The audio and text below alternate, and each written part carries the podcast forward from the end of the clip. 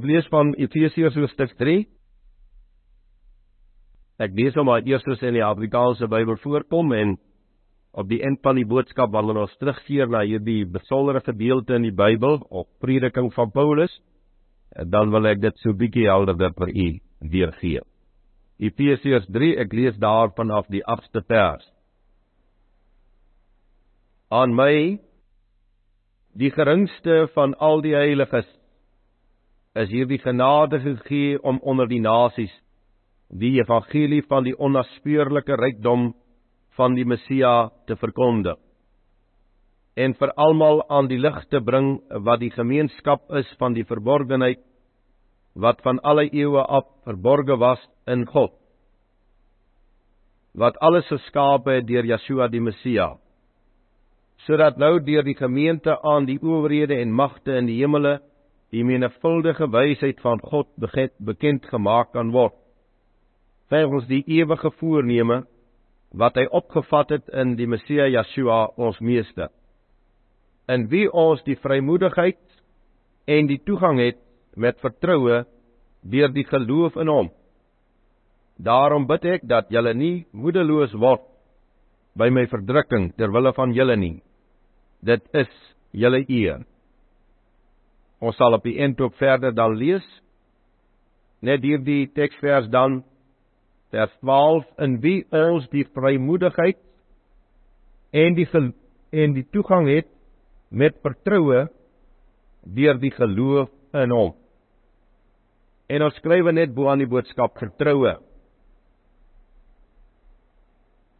Geliefdes ons ken die bekende teksvers in Efesiërs 2 vers 8 dat die geloof is 'n gawe van God. Nie uit julleself nie, sodat julle nie sal roem nie. Ons ken die bekende teks in Hebreërs 11 vers 1: Geloof dan is 'n vaste vertroue op die dinge wat ons hoop, is 'n bewys van die dinge wat ons nie sien nie.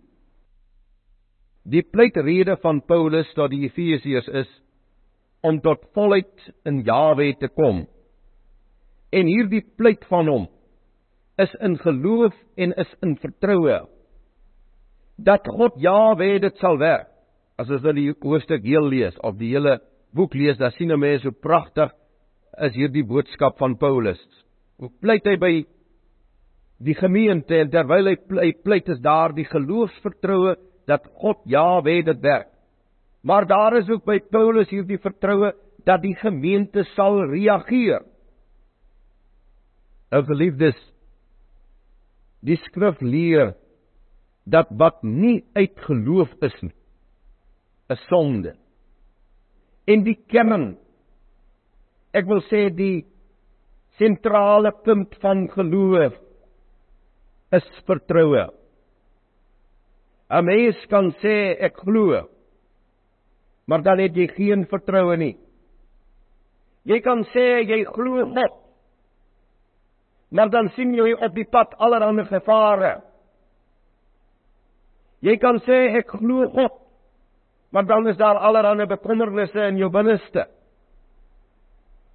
Geloof is om God Jahwe te vertrou. Geloof dan is 'n vaste vertroue op die dinge wat ons hoop. Is 'n bewys van die dinge wat ons nie sien nie. Geloof is om God op sy woord te neem en om volkome op sy woord te neem.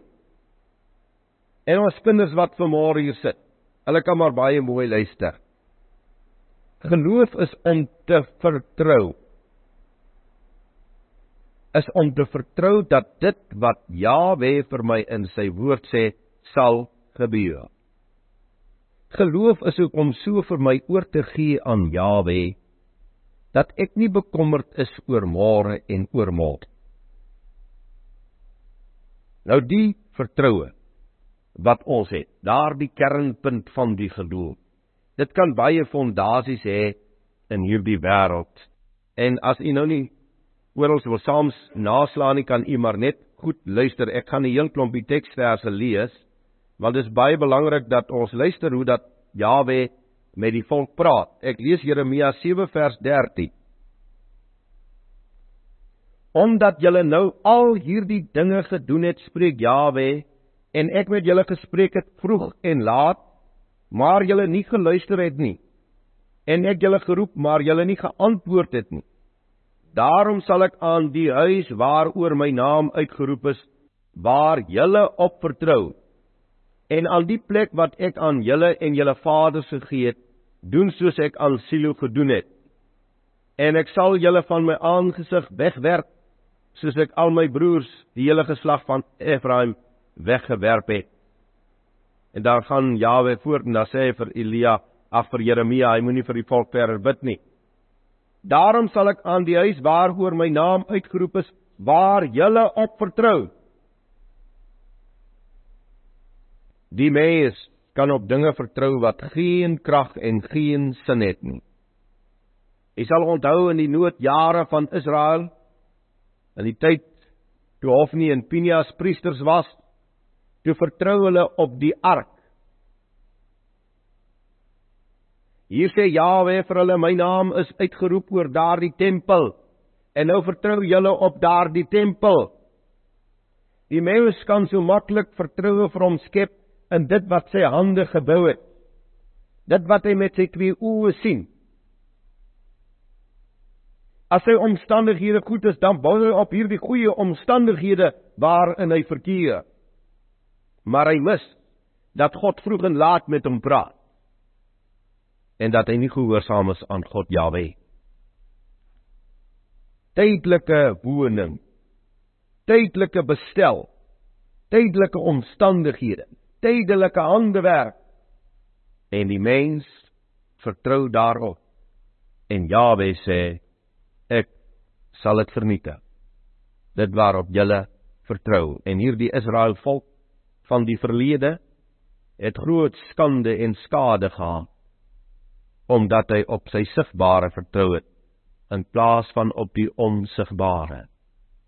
Geloof dan is 'n vaste vertroue op die dinge wat ons hoop. Die dinge wat ons nie sien nie. Nie een van ons het God Jahwe al ooit met ons vreeslike oë gesien. Maar hierdie onsigbare word deur die geloof en die vertroue sienlik. Ek aanskou hom, ek sien hom. En dis die heerlike.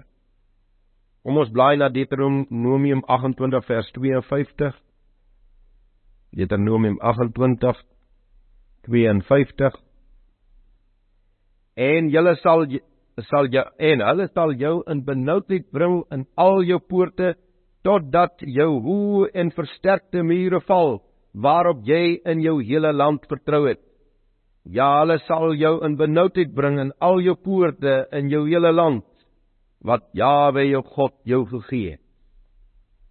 Daar's baie benoudheid in ons mense se harte in hierdie tyd en al die poorte van ons land is daar benoudheid.